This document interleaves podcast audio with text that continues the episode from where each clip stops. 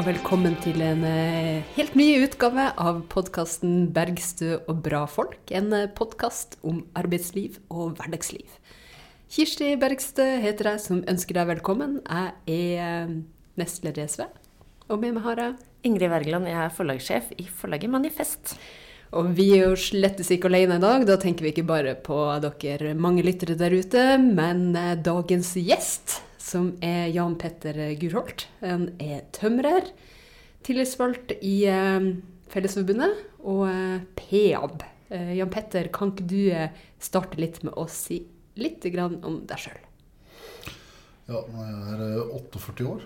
Jeg er utdanna tømrer, men har også jobba mye med betong. Eh, Har du fagbrev innenfor betong? betong? Jeg er ikke fagbrev for som betongarbeider. Men eh, jeg har jobba mye med det og vært bas tidligere. Men ikke sett meg til å forske en trapp. Eh, Du, hva, hva vil det si å være bass? det vil si at du har med deg andre arbeidere som du styrer. At du kan lese tegninger og bestille materialer og ta litt ansvar. Så. Og så er jeg tillitsvalgt og på 75% stilling. Og så skal jeg egentlig produsere 25, men jeg, jeg har en del verv i politikk og andre verv i Fellesforbundet og LO som gjør at jeg fyller opp de 25 med tapt arbeidsfortjeneste eller lønn fra andre. Um, Jeg har en datter på 16 som bor hjemme hos meg. Um, Ja. Så det er fulgt opp med ulike verv og, og oppdrag. ja, min datter sier at det er vel ingen som jobber så mye som deg og tjener så dårlig, mener hun. Er det riktig? Ja, det sier jeg. Mange som jobber mye og tjener dårlig, da. Så, Ja, jeg er faktisk ikke blant de som tjener dårlig, det skal jeg ikke påstå. Men, hvis Men jobber mye? Det kan vi kanskje Ja, det, er jobb, det, er, det er ikke jobb å være politiker, er det det? Nei, det er det ikke. I hvert fall ikke et eh, fag. Men det er mye jobb med å være folkevalgt og med å være politisk aktiv. Og ikke minst med å være tillitsvalgt. Ja, men jeg er faktisk, det er, nå er det politikk som tar mye av fritida mi. Når det gjelder tillitsmannsarbeid, så er det litt reising utenom arbeidstid, men jeg gjør det meste av tillitsmannsarbeid i arbeidstida.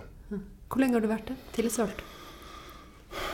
Jeg blei tillitsvalgt mens jeg var lærling. Eh, Nå var jeg voksenlærling, for jeg begynte å tømre da jeg var 20. Eh, Så jeg har vært siden jeg var 22 eller sånn, tenker jeg. Så jeg har vært på et eller annet nivå tillitsvalgt. Ikke hele tida, men nesten. Jeg har vært innom og vært og sittet på andre sida av bordet for noen år siden. Men når du sier at du var voksen da du ble tømrer fordi du var 20 Fordi eh, de fleste som blir eh, er lærlinger, blir det i, i eh, rett etter ungdomsskolen, da? Altså, Ja, ja, men jeg- jeg- liksom? Når jeg, ja, når jeg gikk i 9. klasse, så søkte jeg kun allmenn skole. Og så hadde jeg litt dysleksi. Eh, Og så ble jeg kalt inn til rådgivers kontor og fikk beskjed om at eh, du kan jo ikke søke det, du har dysleksi. Så jeg begynte på Hydro som 15-åring. Søkte ingen steder, jobba der i ett år. Og så begynte jeg på yrkesskolen, gikk der i to år, og da var jeg ferdig i 1990. Og da rasa hele bransjen. Så jobba jeg med litt andre ting og var i militæret. Og så når jeg var 20, så begynte jeg som lærling. Det begynner å bli noen år siden. Det er det. Men det betyr jo Petter, at du har eh, mange års erfaring med det å stå i utfordringene som, som tillitsvalgt, og også de utfordringene som er innenfor eh, ditt eh, fag, ditt område. Kan ikke du fortelle oss litt om, om det? Jo, også for å begynne med det som jeg kanskje har brent for når jeg var ung, og som jeg egentlig gjør enda, det er faktisk noe som heter akord, som ikke alle liker i fagbevegelsen i andre miljøer. Men jeg har bestandig kjempa for at vi skal få betalt for den jobben vi produserer. Men så ligger det i bunnen av det så, at så lenge arbeidsgiveren min klarer å legge til rette med tegninger og materiell, så skal jeg få betalt for det jeg gjør. Eh, Og Det mener jeg er en effektiv måte å jobbe på. Og så trenger jeg heller ikke som særlig tilsyn. Vi har det som heter sjøldrevne lag. At det er en bas, og så har han med seg en del håndverkere med fagbrev som har høy kompetanse. Og hvis det er feil på tegninger, så oppdager de det gjerne sjøl sier fra om feil. og det er sånn bransjen var i mange år, egentlig. At det var sånn vi jobba. Og så kom det inn noen heter kontraktører for en del år siden, og så ble det retta litt opp. Og så har nå bemanningsbransjen kommet og ødelagt mye. eh, Og ødelagt også den, en del av den strukturen som har vært når det gjelder det med egne lag som har jobba selvstendig. Eh, For en del år siden så leste jeg en sånn rapport, og da var tømrere var den mest, nei, nest mest eh, ikke lykkelig, men psykososial på jobben. som hadde det nest best.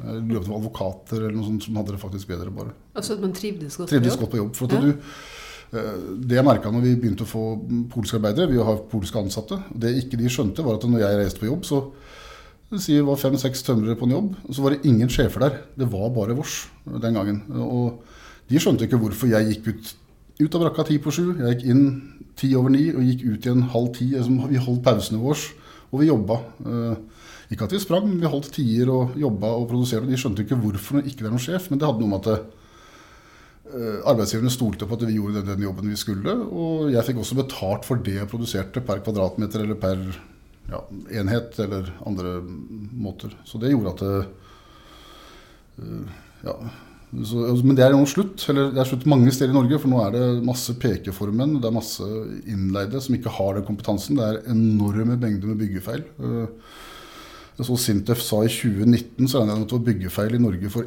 8,9 milliarder kroner. Eh, Noe som er litt underkommunisert. Så, og det mener jeg at det har mye med at det er veldig mye ufaglærte, eh, og noe dessverre litt kulturforskjeller. Eh, De som, har, de som kommer fra Polen eller andre land som jobber i Norge, de får den norske kulturen. Så det er ikke noe problem at det kommer arbeidere fra andre land og jobber i Norge. Men problemet er de som ikke flytter hit, men som bare er her på kort og korte oppdrag eller kanskje et par år. De har ikke noen interesse av å lære faget. De, har, de er her for å tjene penger, og det er jo en ærlig sak, det. Men det gagner ikke norsk byggebransje eh, i det hele tatt, og det ødelegger bransjen veldig. Eh, Så, og som jeg nevnte for noen i stad.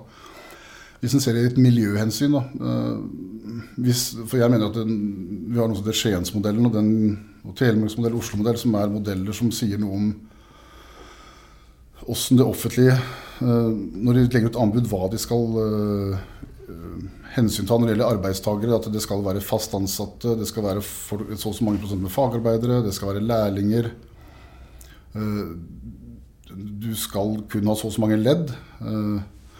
Eh, Men jeg mener det burde også vært tatt inn et regnskap på miljø. Eh, For mange av de store bedriftene nå, de bruker veldig mye innleid arbeidskraft som pendler fra Polen kanskje hver 14. dag, med fly. Det burde vært lagt inn. Og det som er egentlig det ille, er jo at når han polske bygningsarbeideren til, til Norge, så kommer en fra Litauen til Polen, og så kommer en fra ja, Russland eller et annet land til det landet igjen, og så kommer en asiater til det landet igjen. Og det er et vanvittig miljøregnskap som også er veldig skadelig, som ingen egentlig snakker om. All den flytting av mennesker. Det har jo vært snakka om på at foreldre eller barn mister fedrene sine. Det var snakka om, men ikke det miljøhensynet som også ligger i all den flyvinga fly att og fram. Eh, Så det også burde vært fanga opp når du regner på en jobb. at eh, Skal du bruke lokal arbeidskraft, eller skal du hente dem med fly? Eh, I forhold til å, ha sånn her miljøhensyn i anbudsregimet, tenker du? Ja. Mm. Så, Men det er jo veldig interessant det du sier i forhold til utviklinga i faget eh, og på arbeidsplassene. Eh, hvordan eh, endringene har gjort at Sånn som jeg hører deg si, at, at tilliten egentlig forsvinner, eller fagligheten forvitrer. ja, fagligheten forvitrer i så fall. Og, og nå er det jo sånn at det er jo noen bemanningsbyrå som har søkt om å få, få ha lærlinger. Nå trakk de søknaden nå for litt siden, vet jeg. Men hvordan skal du kunne skrive en lærlingkontrakt med et menneske som du skal ha et bemanningsbyrå som ikke vet hva skal jobbe med om 14 dager eller et halvt år, eller Det går jo ikke. Du må jo ha en plan over hele læreperioden, for du skal jo gjennom forskjellige øvelser og lære forskjellige ting. Så, det, så heldigvis så trakk de søknaden før det kom til noen sak. Hvor lenge varer en sånn lærlingsperiode? Nei, Det er alltid fra to til fem år. Det er mange, masse, mange forskjellige løp å gå fra de som har null skole til de som har to og tre år på skole. Så det er veldig forskjellig. Men, fra, Men det er jo ganske mange ting man skal innom. Det er jo ikke noe sånn men det er, læretid er normalt fra to til fem år. Ja. Ja, men jeg, får bare tenke på at det, Som du sier, det må jo være et løp. Ja, det, det er er, et jo, det er jo et utdanningsløp, liksom, så du kan ikke bare Ja, og så er det jo sånn at det, det er ikke veldig mange som jobber i bemanningsbyrå som har fagbrev i byggebransjen. Eh, I noen andre bransjer så er det nok litt annerledes. Eh, Innenfor bemanningsbransjen inn mot oljebransjen så er det nok litt annerledes. Eller inn mot rørleggerbransjen så er det kanskje også litt annerledes. For det er en krav til at du skal ha en del sertifikater og sånn. Som det ikke er i byggebransjen. Det er ikke noe Strengt tatt så kan eh, sånn som det bygget vi sitter nå i Stortinget, kunne vært ført opp av uten noen håndverkere innenfor det som har med betongfag, malefag og tømrerfaget, så er det ikke krav til at det skal være håndverkere med fagbrev. Så lenge den øverste har papirene sine i orden, og de kan egentlig kjøpe. Det er veldig sinnssykt. Det er det. Men altså, jeg skjønner jo Fordi det er veldig strenge krav f.eks. For, for elektrikere, ikke sant. Fordi det er brannfarlig osv. Men det er jo ganske store skader som kan skje hvis du fører opp et stort bygg feil med, med betong ja, det kan være veldig store skader som kan skje. Og, det, og, ikke minst ting som er inni veggene, det du ikke ser, med fuktproblemer. Og det er, det er, kanskje det største som er det med fukt inni vegger og kondens. og De som ikke kommer fra Norge, skjønner ikke helt problematikken, for vi lager husene våre så tette. Hvis ikke du gjør dette korrekt, eh, så kan du få store soppskader, og du kan få mye fukt, og rotten, ting råtner og forvitrer veldig fort. Eh, og det er jo den norske byggemåten på vanlige hus og sånn er veldig spesiell for Norge. Er, du bygger ikke sånn i Polen eller i, heller ikke i Danmark. Så. Så. når du nevnte denne svære eh, summen eh, på eh, bygg som rett og slett tar feil, hva var det du sa for noe i sted? Var... Sintef anslår at det er byggeferdig i Norge for 8,9 milliarder. Da tenker du at det har en viss sammenheng med hvordan manglende krav til faglighet i, i arbeidet og, og, gjennomsiktighet i eh, Ja, det er jo sånn at eh, som jeg sa, de polske arbeiderne som vi har hos oss, de får seg jo kompetanse etter hvert. Og de lærer jo norsk arbeid sånn, å jobbe på den måten som vi gjør. Mens eh, f.eks. i Polen, da, for å bruke det som eksempel, som er det jeg kjenner best, for jeg har hatt med meg en del polske arbeidere som er ansatt hos oss. Eller ikke alle nå, for vi har hatt noen nedgangstider, så noen har mistet jobben nå. Men poenget er at det, når de kommer hit, så har de en kultur, at de er vant til at det er en sjef som forteller hva de skal gjøre, og så gjør de det sjefen forteller. Og det gjør de også for dem det er feil. Eh, for de spør ikke sjefen sin to ganger. Eh, for da er det det, er det samme som å si at eh, du er dårlig til å forklare, så du er litt smådum. Så det er en sånn kultur at du ikke spør sjefen din. Du, du, du prøver til beste evne, og hvis du ikke har lært å gjøre det riktig, så gjør du det faktisk feil. Og det, og det har jeg oppdaga med de som jeg hadde med, med, meg, som kunne gjøre samme ting gang på gang. Og så kunne jeg si at ja, men gjør det. Og så, så et, et, enkelt eksempel, og det er ikke for å henge ut de arbeiderne, men de skulle inn i et rom som var en trappesjakt til et svært eh, bygg. Så var det ferdig isolerte yttervegger, og så innvendig der så var det en stilling, og så skulle de gipse de veggene. Og så sier jeg til de, jeg triller bort gipsen. Oppå den gipspakka så ligger det en plastikkpakke. Jeg triller det bort, og så spør jeg nå kan dere gipse her. Og så går det et par timer, jeg sitter på kontoret øh, og ser på tegninger, og så kommer en annen snekker opp til meg.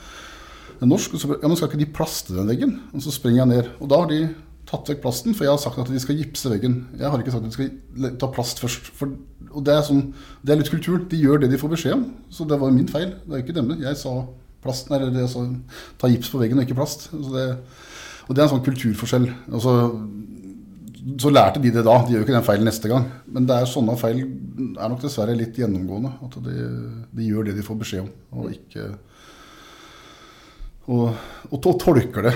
Men en fagarbeider vil vel kanskje skjønne at man måtte ha plast først? Ja, det er det som hadde, hadde vi hatt norsk fagbrev, så, så, hadde de selvfølgelig tatt plast først. Og så, jeg, bør, jeg bør ikke si at ta på plast, ta på sånn for det har du lært uh, når du har norsk fagbrev. Så, men som sagt, når de har jobba i Norge nå, så får de også kompetansen. Men det er veldig mange arbeidere som jobber i Norge i kortere perioder, si ett til to til tre år. Uh, og dessverre en del av de sliter seg ut i Norge òg.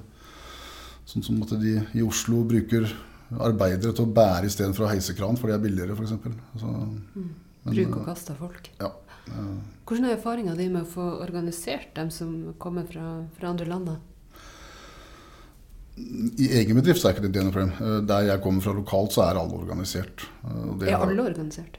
Der jeg jobber, ja. I, I, den bedriften jeg jobber og, og, og er tillitsvalgt, ja. Men ikke hele PAB Norge, som jeg også er tillitsvalgt i. Det er ikke sånn. Er, men i Grenland, som jeg kommer fra, så er det jo en kultur fra industrien at der er du organisert. Altså de, de, fleste store firmaene innenfor bygg der jeg kommer fra, de har mer eller mindre 100 organiserte. Heldigvis. Og det er jo noe bedriftene også ønsker gjerne å ha det sånn. Eh, de har ikke lyst til å ha 50 bygningsarbeidere som kommer på døra og diskuterer ting. Eh, da går jo alt igjennom klubbapparatet, og det er ordna former. Men har det vært mye bruk av bemanningsselskaper i, i, i, på, din, eh, på, din, jobb? Nei, egentlig ikke. Eh, de siste fem åra lokalt så har vi hatt litt lite å gjøre. Men så min gamle personalsjef han laga noe som heter POOL. Det er noen, sikkert over ti år siden. Enda mer òg. Eh, for da var han på Nav og egentlig spurte om å få tak i folk på Nav. For den gangen så gikk det jo til Nav, så det er faktisk lenger, det er mer enn ti år siden. Eh, det var før bemanningsbransjen hadde frislepp. Egentlig så var han på Nav, og så spurte om folk der. Og så sa han alltid men kan ikke, kan ikke vi opprette en nettadresse som bedriftene her i fjorden kan melde inn? Nå har vi ledige folk, eller vi trenger folk. Så oppretta de en side, kalte det en pool. Altså innleie mellom, innleie mellom, bedrifter, mellom, mellom, bedrifter. Og jeg tror det er den første som var i Norge, for den, er, den var veldig tidlig. Og så ble de bedriftene hatt et møte, og det var ingen tillitsvalgte med på det. Det var bare HR, eller den gangen personalsjefer og ledere som gjorde dette. her, Så ble de enige om lønn. lønn og, de laga en avtale på lønn og kjøring og alt, at alt var ordna. Du skulle fremdeles være ansatt i den bedriften du var, og en del kriterier. Eh, og de siste fem åra utenom 2019 så har vi levd godt av det. Vi har leid oss ut til andre entreprenører. Vi har hatt jobb sjøl hele tida, men vi har liksom, istedenfor å permittere, så har vi klart å beholde den høye egenbemanninga. Og det har jeg brukt som argument mange ganger. at Pga. at vi har 13 andre firmaer vi kan leie ut til, så kanskje vi klarer å slippe å permittere. Eh, så vi har hatt en og annen permittert, men normalt så har vi klart å holde folk i jobb På grunn av det. men nå i 2019 så fikk vi vant vi plutselig litt for mange anbud på en gang. Det, det, er sånn Du legger jo inn anbud, og så vet du jo aldri hvor Du kan vinne to på likt. eller liksom sånn. Og, og, vi har egentlig en høy egenbemanning, og egentlig hatt mange vil si for høy, for vi har måttet leie ut mye. Men da hadde vi plutselig 20-25 mann for lite. Men Da leide vi ti mann fra veidekket, men vi måtte også leie fra Dekko og andre bemanningsbyrå i en periode. Eh, det var jo etter at eh, Og nå har det jo kommet sånn at du kan jo ikke leie inn fra bemanningsbyrå med mindre du er en eh, har en tariffavtale med en bedrift som er, eh, har innstilling, innstillingsrett. Det vil si at den foreninga må jo ha minst 10 000 medlemmer. Altså du må være i LO eller YS eller Delta for å kunne leie inn. Og da laga jo Fellesforbundet en sånn mal. Eh, og jeg synes den er, altså jeg, Vi har leid inn før, så hadde, vi, hadde jo, var, vi, vi, var vant til å skrive kontrakter på innleie og sånn, altså, så med noe likebehandlingsprinsipp og sånn. Men det var greit at det kom noe. Ja, det gjorde at jeg ble flinkere også til å huske å skrive disse her kontraktene bestandig. For det er litt fort å glemme det sjøl. Det går litt fort i svingene. Nei, vi trenger folk. Og så, øh, ja, og så sier jeg ja, men det er greit, bare leie inn. For vi sitter jo på kontor, vi har ikke felles kontor alle sammen. Så vi møtes ikke fysisk. Så, men, øh, så jeg har brukt malene til Fellesforbundet litt. Og så er det noen i Fellesforbundet lokalt som sparka meg på leggen, spør meg har du huska å skrive kontrakt der. har Du... For han er jo innom mine byggeplasser og så spør. For han treffer jo disse når jeg leier inn, og så spør han litt sånn. Så. Men eh, stort sett så har vi kontroll på det vi sjøl leier inn. Eh, og i tillegg så hadde jeg en, eller har, en eh, eller ei som er sjef HR. Og hun har alt med bemanning og tar vare på det. Og der har vi sånn Alle ansatte er i en kolonne. Og så står det sånn fargekart ut hvor de jobber og hvilket yrke de har. Og når vi leier inn, så blir de innleide lagt ut på helt lik linje. Så alle i administrasjonen pluss meg har full oversikt over alle innleide.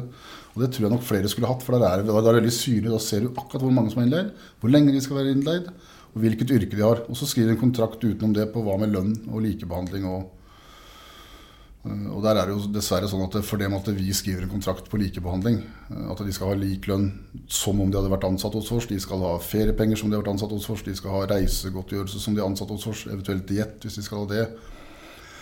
Egentlig så skal alt likebehandles. Eneste som ikke gjør det, det er pensjon og ja, er pensjon er det som strengt tatt, og, og, forsikring. Det er de to tinga som er unntatt fra likebehandlingsprinsippet. Eh, og så skal alt annet være likt. Og jeg har jo oppdaga mange ganger at eh, bedriftene prøver jo å lure oss. Eh, det er jeg ikke i tvil om. Eh, nå er det noen år siden sist jeg oppdaga det. Men, for jeg pleier å, Vi jobber akkord, og da si at vi hadde 200 kroner timen. da, Så tipper jeg at det kanskje tjener 250 kroner timen på den jobben. Og så har vi leid inn folk. Så, sier jeg til den, de arbeiderne som vi har leid inn, da, som jeg har hatt med akkord, at hvis du venter fire måneder, eller sånt, så burde du kanskje få inn så, og så mye ekstra på kontoen din. sånn cirka. Og så kan ikke du ringe meg hvis ikke du får noe. Og To ganger har jeg blitt ringt etter. og så Åssen gikk det? Jeg har ikke fått noen penger. Og så spør jeg bedriften min. Jo, de har betalt. Og så ringer jeg det firmaet som vi har leid imellom. Nei, jeg har ikke rekke å betalt ennå. Og det, det, det, vet jeg mange tillitsvalgte som har samme opplevelsen, at bedriftene bemanningsbyråene faktisk får penger av oss. Uh, Adecco har ikke gjort dette her, altså det er andre bedrifter uh, som jeg har vært borti. Som får penger av oss og ikke betaler det videre. Uh, før på en måte en tillitsvalgt sier ifra.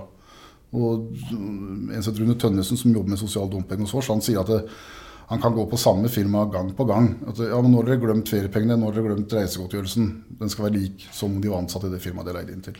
Så, ja. Så man må drive og vakte? Ja, men det må du. Så. Men du, den, dette du beskriver med dette samarbeidet som har vært i Grenland eh, mellom disse 13 bedriftene, eller hvor mange det var. Mm. Eh, tror du det har vært mulig fordi det er et relativt eh, mindre område, det er oversiktlig, folk eh, kjenner hverandre godt i bransjen og sånn, eller tror du man kunne gjort det på et mye større Nei, nivå også? Nå tror jeg det er, det er, i Oslo, det er i Trondheim, det er Bergen er ikke sikkert, det er, men Buskerud er det Men det er ikke alle serier fungerer. Og så er det litt sånn at det, det jeg oppdager hjemme, da, det er at hvis, hvis vi har f.eks. leid inn fra Adecco, da. Vi har, vi har, meldt ut, vi trenger folk, og så får vi ingen tilbakemelding. Og så leier vi fra Dekko. Og så glemmer vi litt å se på den uh, mailen og sjekke er det noen som For jeg er ikke i tvil, for, for det som kan skje, er at det, det går 14 dager, og så er det en produksjonsbedrift som faktisk har for mye folk og Da er vår holdning sånn at da, okay, da er det gjerne 14 dagers oppsigelse på den kontrakten med Adecco. Så sier vi opp de, og så skal vi heller leie inn fra den produksjonsbedriften. Og, og det har jeg heldigvis opplevd sjøl, at andre har ringt meg og så spurt har ikke dere ledige folk nå egentlig. Jo, det har vi, ja, for vi leier fra Dekko. Og, det er, og da, da er det viktig å ha dialogen med tillitsvalgte.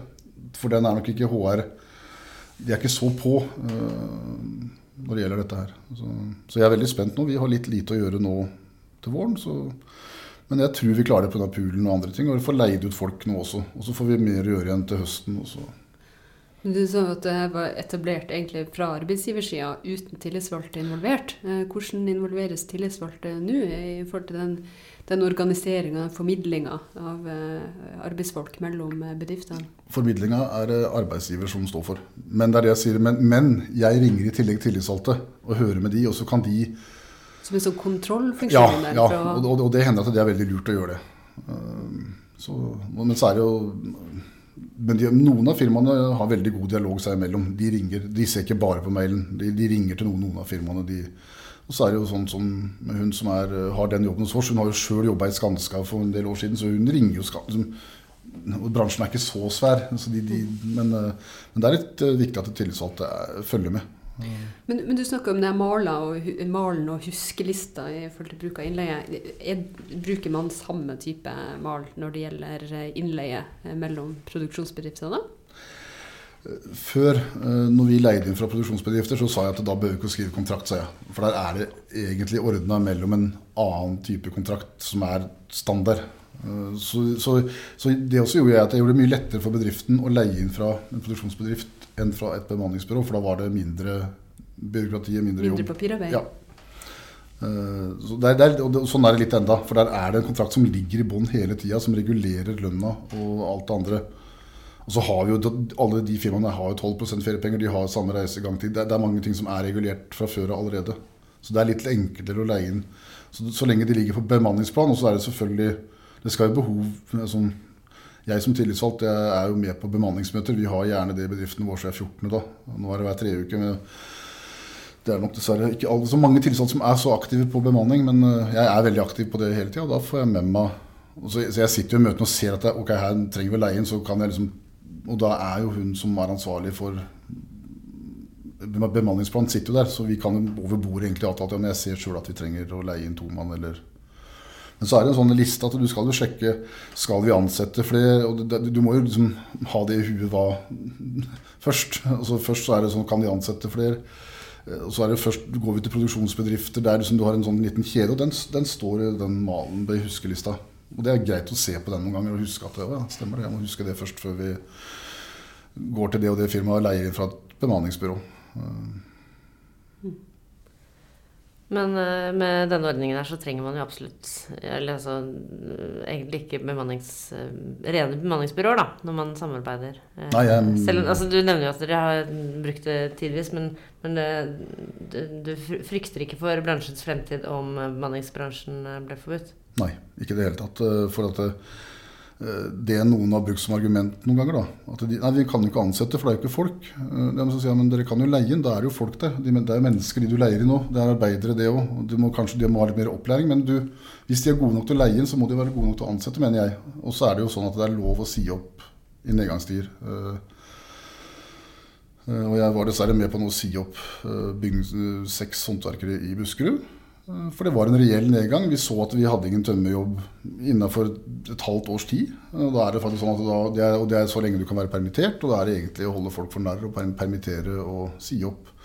Og som jeg sa bedriften, og det er jo eh, vi, vi var uenige om noen kriterier og sånt, og egentlig i utgangspunktet, men ting ordna seg. Eh, men da skjønner bedriften at jo, jeg er jo villig til at jo, når det ikke er jobb, så er det lov å si opp. Men da skal vi også ha høy bemanning når det faktisk er nok produksjon. Så skal vi heller ha den høye bemanninga. Men det, det, tok jeg i styret i bedriften der jeg er for mange år siden. Og, eh, for da ville de egentlig nedbemanne og snakke om det, og så ha en sånn en, en, en x antall håndverkere, og så leide de inn egentlig alt det andre. Og så, og så, for de mente, vi, de mente vi var på en topp. Og så sier jeg ja, men vet, dere det?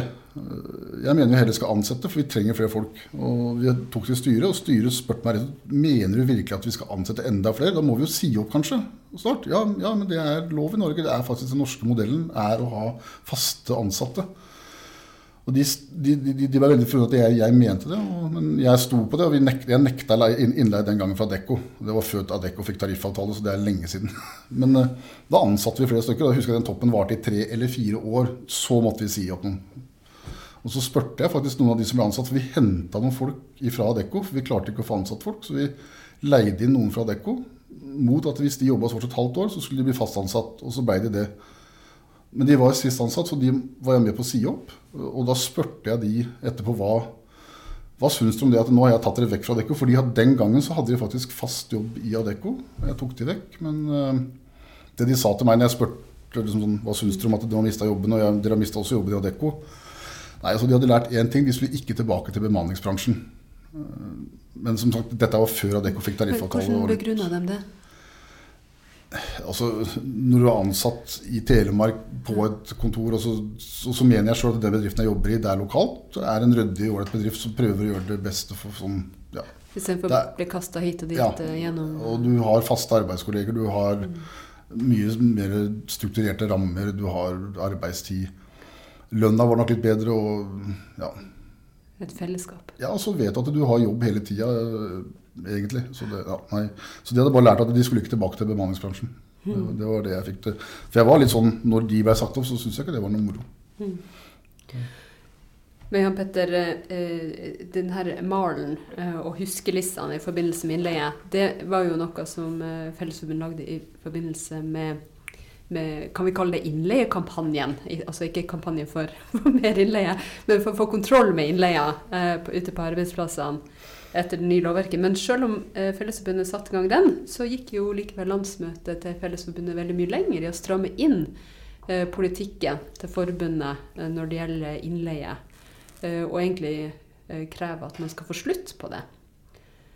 Ja da, jeg satt, jeg satt jo i den komiteen på landsmøtet ja. som hadde med det. Eh, og der var det jo en sånn diskusjon mellom bygg som nok vil få byen, Eh, rimelig fort. Eh, og så har du da skipsverft og andre som har leier inn veldig veldig mye. Og som sa til dem at vi kan jo ikke det, vi er jo avhengig av å kunne leie inn. og så så vi hadde en del runder på det i komiteen. Eh, og det som vi sa til vi også skjønner at vi kan jo ikke kutte bemanningsbransjen i en del områder nå. Altså I Oslo så mener jeg at der burde de kjøre inn Ja, der er det andre ting på gang. Men de har jo prøvd.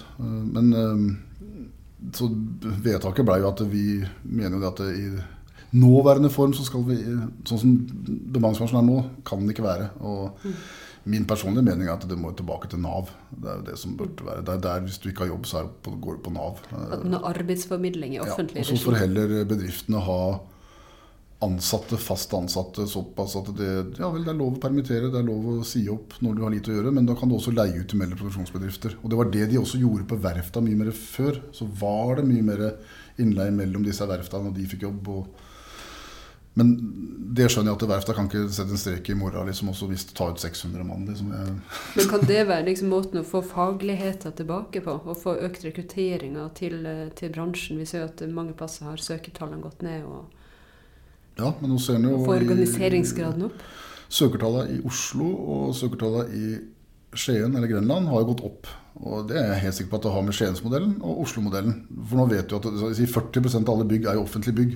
Og når det da stilles krav til at der skal det være lærlinger, det skal være x antall fagarbeidere, det skal være med egenproduksjon gjerne, og veldig få ledd, så er det jo en mer trygghet for en som er 16 år å søke seg inn i bransjen igjen, for da vet at det, jo, det er faktisk mulig å jobbe innenfor en seriøs bransje.